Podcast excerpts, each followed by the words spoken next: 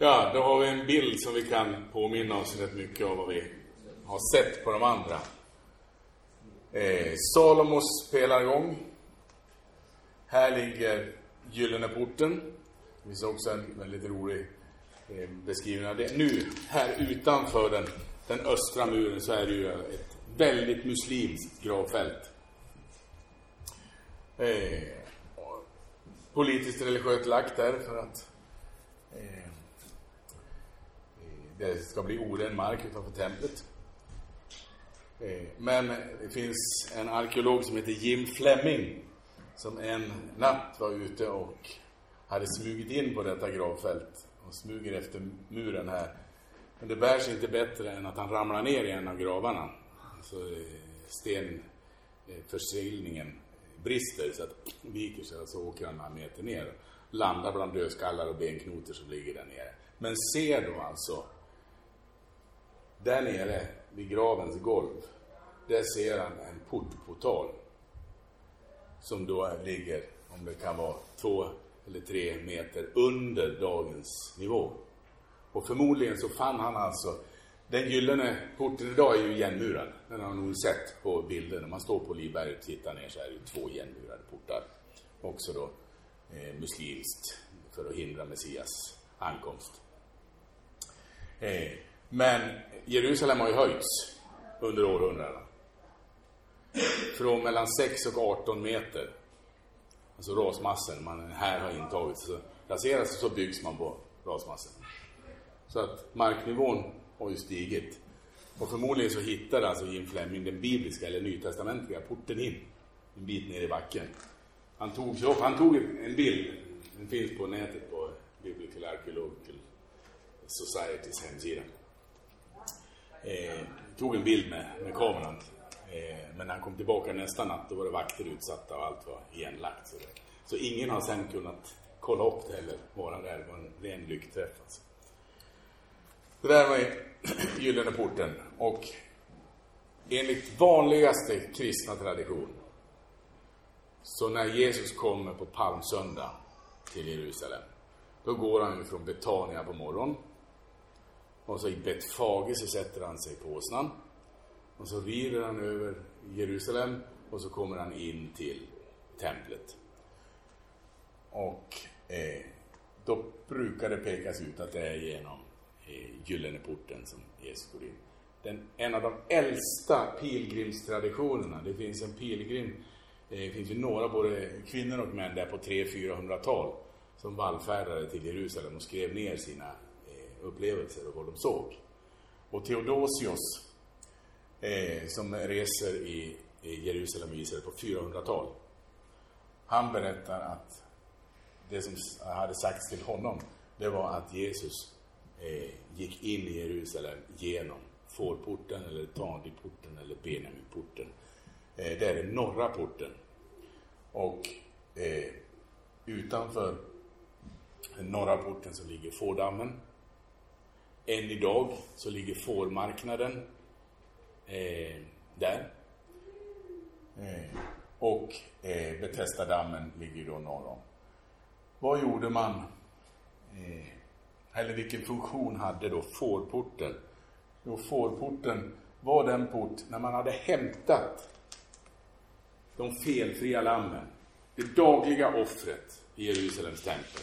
Det var ju ett morgon och ett aftonoffer. Alltså två eh, eh, eh, offerlamm som bars fram för försoning för folken. Och på sabbaten var det dubblerat. De offerlammen, de vallades på ängarna i Betlehem. Det vet man. Tempeljordarna, alltså, där man letade fram de felfria lammen, de vallades i Betlehem. Det är alltså inte alls otroligt att herdarna som är de första som ser Jesus när han föds, är herdarna som vallar tempeljordarna. När Jesus kommer som Guds lamm för att ta bort världens synd, som Johannes döparen då han deklarerade redan i kapitel 1, så är det alltså inte alls otroligt att han går in samma väg som han tog in offerlammen i templet. Det är alltså en av de absolut äldsta traditionerna om hur Jesus går in i Jerusalem när han kommer för att lida och dö. Och man tar alltså in lammen där och sen fanns eh, Lammets kammare, det var alltså i nordvästra hörnet. Så eh, fick de lamm som skulle då slaktas och offras nästa dag, som det dagliga syndoffret. De fick tillbringa sin sista natt då inne på tempelområdet. Men de togs alltså in genom eh, folkporten. Namnet Benaminporten det är alltså att den vette ut mot Benjamins stamområde. Så har ni Antoniaborgen där. Där förs Paulus med upp på trappan. Här är det i kapitel 22 i Apostlagärningarna. Kapitel 9, kapitel 22, kapitel 26 har alltså eh, samma berättelse. Tre gånger eh, ger Lukas text åt att beskriva vad som hände på Damaskusvägen. Så det är inget snack om att han vill förmedla det. För i kapitel 9 berättar ju Lukas i berättelsens form. I kapitel 22, då står Paulus här. Man tar med sig Paulus upp till trappan som leder till pretoriet. Eh, för man var ju rädd för eh, upplopp. Och där håller han alltså talet där han berättar om Damaskus händelsen. Och eh, det var en soldatborg. Personligen så tror jag inte att Pontius Pilatus reserverade här. Jag tror alltså inte att Via Dolorosa börjar här. Jag tror att Pontius Pilatus residerade i Herodes den stores palats. Det ligger på västra sidan av Jerusalem. Det fanns alltså ett konungsligt palats i Jerusalem.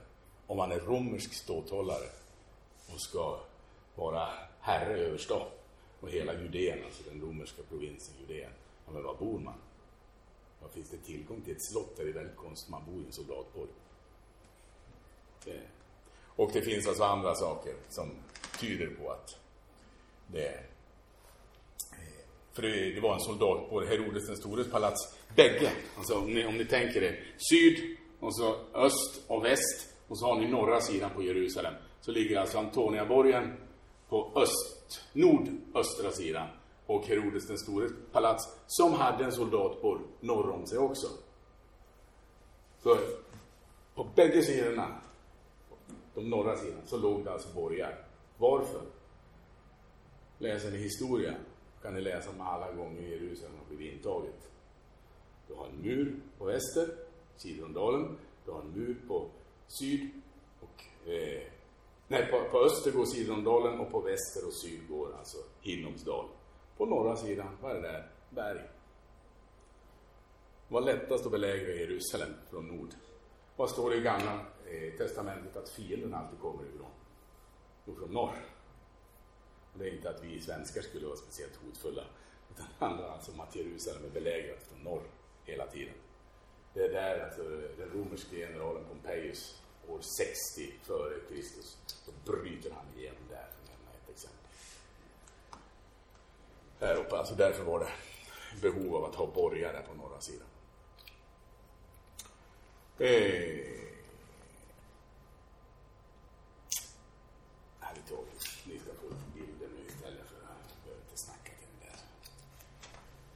Här har ni den södra delen av muren. Här har man då frilagt efter eh, 67 eh, då ju de israeliska soldaterna går in genom Lejonporten, Susanporten, på den östra sidan så eh, fritar man ju hela eh, Gamla stan. Och eh, de judiska kvarteren som var väldigt miserabla då eh, byggs ju upp igen och man får alltså möjlighet att göra arkeologiska utgrävningar. Och på södra sidan om tempelplatsen så har man alltså grävt ut hela det här området. Det är en fantastisk arkeologisk park. Man kan alltså vandra i, i skikten, de här 60-18 metrarna alltså, visar hur Jerusalem har växt. Och de skriftlärdes trappa här innanför den här byggnaden som är från korsfarartid. Man hade ju Al-Aqsa moskén som borg. Så. byggnaden här utanför eh, är från korsfarartid. Här låg dubbelporten och de skriftlärdes trappa var alltså 75 meter och går in under den byggnaden. Här är en plats där man med 100% säkerhet Det är inget snack. Och de stenar, trappsteg som finns kvar, som man ser är gamla, de är uthuggna i klippan. Där har Jesus och lärjungarna gått. Du kan alltså säga det med 100% säkerhet. För det är stenar som alltså då har legat kvar där sen Jesus vandrade. Sen är det många som är påbyggda, som har liksom restaurerat trappan. Det är en av chefsarkeologerna, Mir Ben Dov, som då på slutet på 60-talet, början på 70-talet var ansvarig för hela den här utgrävningen. Han är nära vän till en av eh, eh, våra israeliska vänner, Michael Steinitz. Och eh, Michael hade förmånen att få, få gå här tillsammans med honom. Och så berättar Michael för mig att när han eh, när Neil Ben då hade fått besök från USA och bland annat Neil Armstrong, första killen på månen då. när han hade kommit ner till Israel så hade Neil, bon, Neil fått uppdraget eh, att guida Neil Armstrong i Jerusalem. Så kommer de hit till de skriftliga snabba och tar Neil Armstrong av sig skorna så går han barfota och säger det här var mäktigare än gå på månen. Det är bara två liv bort så jag tror faktiskt att det det är, eh, det är inte en skröna, utan att det är sant. Det här var starkare än att gå på månen. Och eh, här emellan, bland annat också här nere på en rad olika ställen, så har man hittat en radda så kallade mikvas.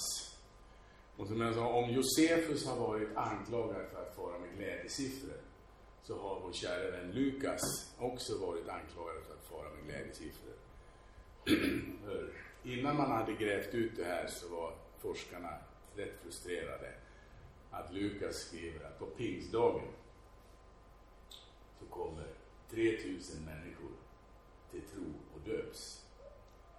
Var någonstans i Jerusalem är det möjligt att döpa 3000 människor på någon form av vettig tid? Det är omöjligt, det kan inte vara så. Nej, det var så man sa innan man grävde ut det här. Då har man grävt ut det här och hittat det som kan vara till ett hundratal så kallade mikvas, reningsbad som pilgrimerna använde när de skulle gå upp till templet. Och de är byggda så att man går en trappa ner på ena sidan och sen en liten mur och så är en trappa upp så att man skulle kunna gå på led. Ställ 12 apostlar vid 12 sådana här. Och du löper rätt snabbt 3000 människor. Ingen kan säga att det var här. Men ingen kan längre säga att det är omöjligt i Jerusalem att döpa 3000 människor på relativt kort tid. Det kanske grävs fram någon mer damm som ger ytterligare en möjlig plats. Men det finns alltså en möjlig plats att kunna göra det med den mängden av, av människor. Jag vet inte om ni följde debatten med nya moskén som har byggts i tempelplatsen. Det var ju väldigt... Här körde man inne det som kallas för Salomos stallar. Alltså när Herodes den store byggde eh, ut tempelplatsen gjorde han valvbågar. Så här under är det jättevalv. Och det, de valven har länge gått under benämningen Salomos stallar. För det är tydligt att man har haft hästar där. Men de är inte från Salomos tid, de är alltså från Herodes den stores tid. Och hästarna som har stått där har tillhört korsfararna. Så de är använts som, som stallar, men det är korsfararna som har haft dem. Nu kom muslimerna på att de behövde mer eh, eh, böneplatser under högtiderna och också under tak.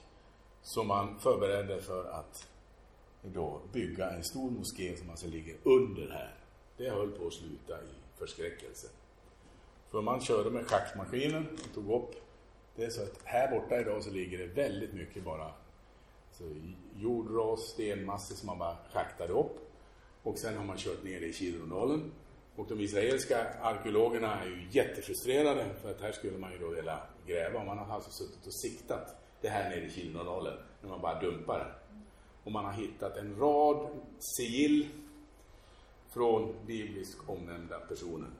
Skattmästaren exempelvis som hade hand om eh, tempeloffren, det namnet. Och här finns det alltså flera bibliska gestalter eh, som är då omvittnade nu, inte bara i Bibeln. I Jeremia bok finns det många som då man har hittat sigillen från. Och det blir alltså en tydlig historisk person som växer fram. Inte bara fiction alltså, utan att det här handlar om saker som har hänt. Men när man schaktade så byggde man inte under. Så ett tag, det här har ni fantastiska bilder på på nätet.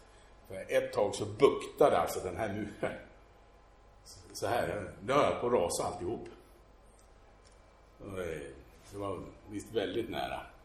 Så att då fick man alltså stadga upp det. Nu, nu är det ju färdigbyggt då så att nu har man lite fönster där också. Så ser, ser bilder på. Trippelporten som var där, den, vette, alltså, den gick prästerna igenom när man skulle till, till templet och här fanns då förråden inne i, i, i det som kallas för Salomos stallar. Så att här, här har man väldigt mycket man kan, kan stanna till och fundera på. Här, här uppe ser ni då marknivån. Och här har ni alla de här röda som är markerade. De är alltså marknadshus. Här fanns små affärer, små kammare där man kunde växla mynt, där man kunde köpa offerdjur, och man kunde förse sig vad man behövde. Så det var inte meningen att man skulle hålla till på hedningarnas förgård. Jesus rensar ju hedningarnas förgård från de som eh, växlar mynt och säljer offerdjur. Och de fanns det alltså plats för här ute. Men översteprästen och det korrupta ledarskapet lät sina tjänare flytta in och få de bästa platserna inne på hedningarnas förgård. Det är inte bara Jesus som reagerar på det här. Det finns andra källor som talar om alltså att man ville att detta hus skulle hållas heligt.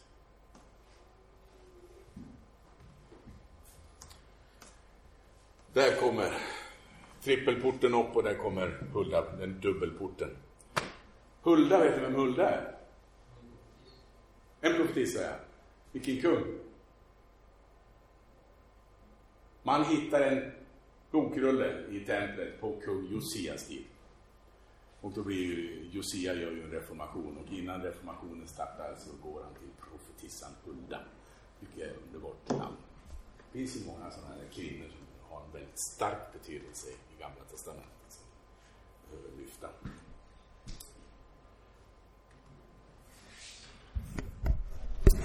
Här har ni då en möjlig vy på Kungliga ståan. Där har ni alltså två och en halv Uppsala domkyrka. 162 pelare. Det krävdes tre man för att hålla om dem. Det är Josefus som ger oss allt det här. Där har ni en, eh, ett reningsbad. Nu ser ni hur det var. Det är väldigt väl bevarat. Alltså man går ner där och så är det rinnande vatten. Det skulle vara levande vatten i reningsbaden när man gick till templet. Och så går man alltså ner och så böjer man sig ner, doppar sig och så går man upp här, då var muren hög för man skulle inte komma vid dem som ännu inte hade renat sig.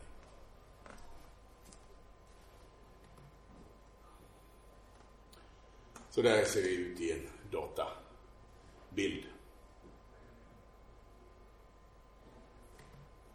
Och där såg vi, här är Davids palats alltså. Han har en fantastisk vy. När man står där idag, det är ju en platta, så har man alltså Davids stad som vi tittar på. Då ligger den i backen utför. Om David går upp på taket på sitt palats så ser han därifrån vartenda tak på sin stad. Och där uppe på taket var en kvinna som hette Batseba en gång. Det blev inte bra i slutändan. Han skickade iväg Uria ut i kriget. Men det där ser man rent byggnadsmässigt så hade han liksom koll på, på allt.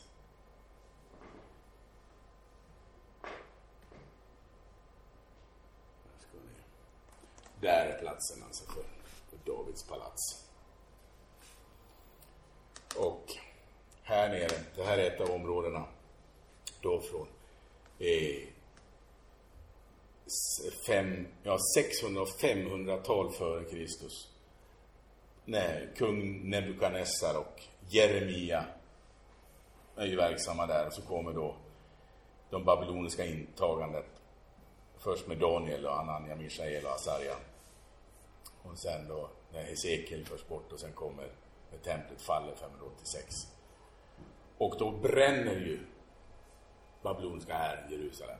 Och här har man alltså det är svart för kol, man har hittat babyloniska stridsspetsar och man har hittat ett rum, det brända rummet, där man hittade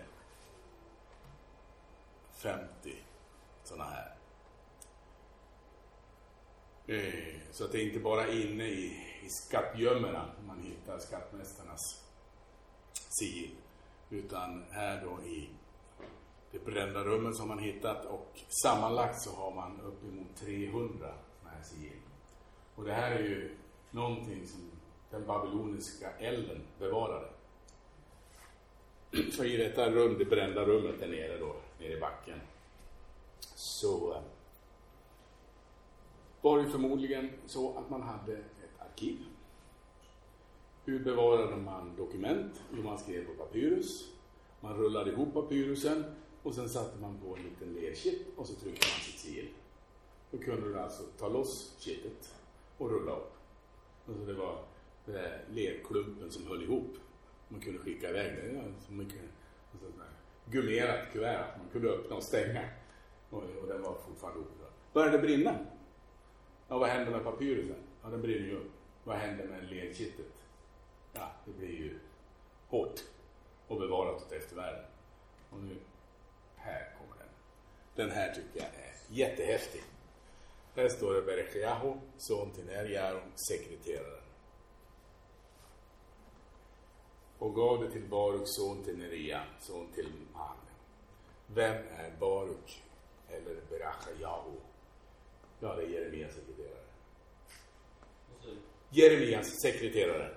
Som två gånger får teckna ner Jeremia bok för att förstörs. Här har du Jeremias sekreterare sigill.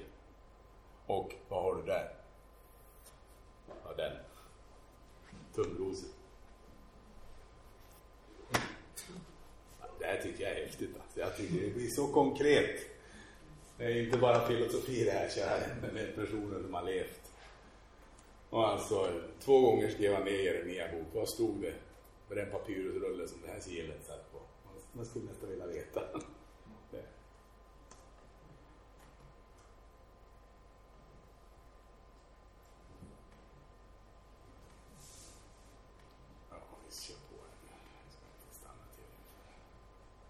Där har ni, nej, här, den kan vi ta och ta en liten nytestamentlig text.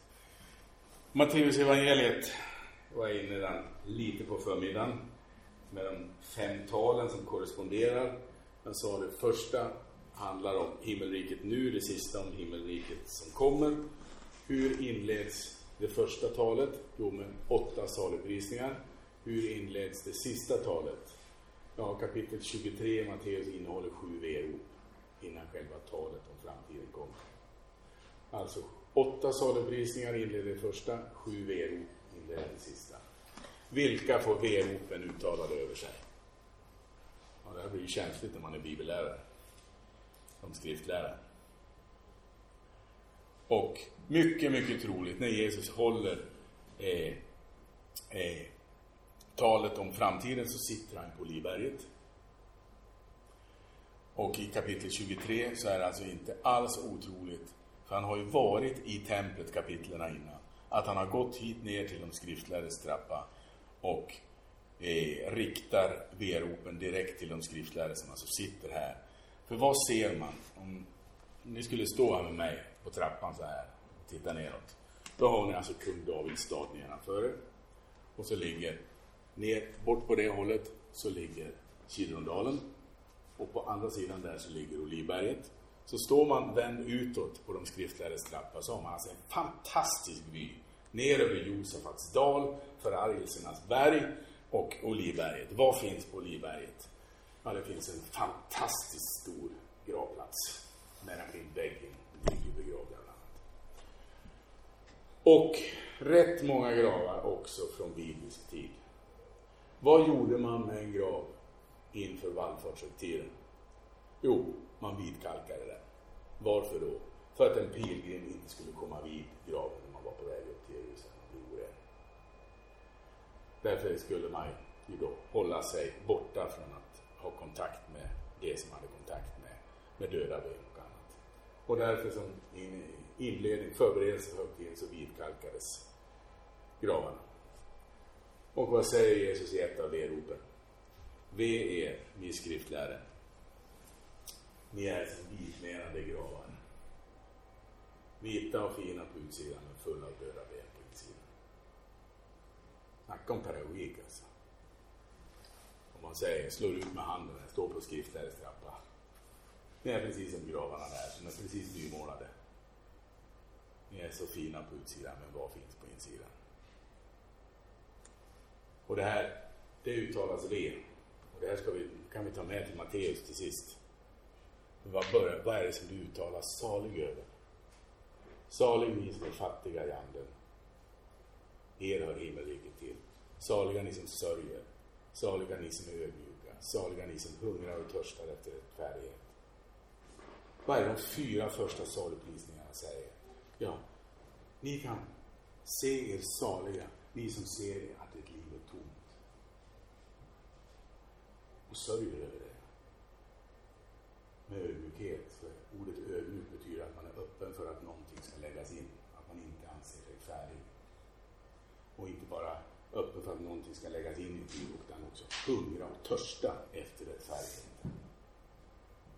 Alltså, man visar insidan totalt och längtar efter att insidan ska få förändras. Det är sorg. V, när man visar en fin sida och skiter i vad som ligger bakom. Det här är oerhört skarpt alltså, i Matteus, när man ser den här eh, parallellen. Och det är ju alltså, Matteus har fem tal. Mose gav folket fem böcker. Hur slutar den femte boken? Femte Mosebok från kapitel 27. Mose håller det sista talet. Vad handlar det sista talet om? Egentligen samma sak som Matteus evangeliet. Det finns en väg som leder till välsignelse. Det finns en väg som leder till förbannelse. Det finns en väg som leder till liv. Det finns en väg som leder till död. Och så kommer så må du då välja livet. Så liksom utmanar folk att ta ställning för livet, inte döden. Vad som ännu är fördolt, det hör Herren vår Gud till. Men vad som är uppenbarat, det gäller för oss och våra barn till evig tid. Femte Mosebok 29 och 29. Här har ni uppenbarelsen som gäller för oss. Den ska värna om. Den gäller för evig tid. Det är fördolda, det vi inte vet något om, det hör Gud till. Där stannar jag. Så länge. Tack ska ni ha.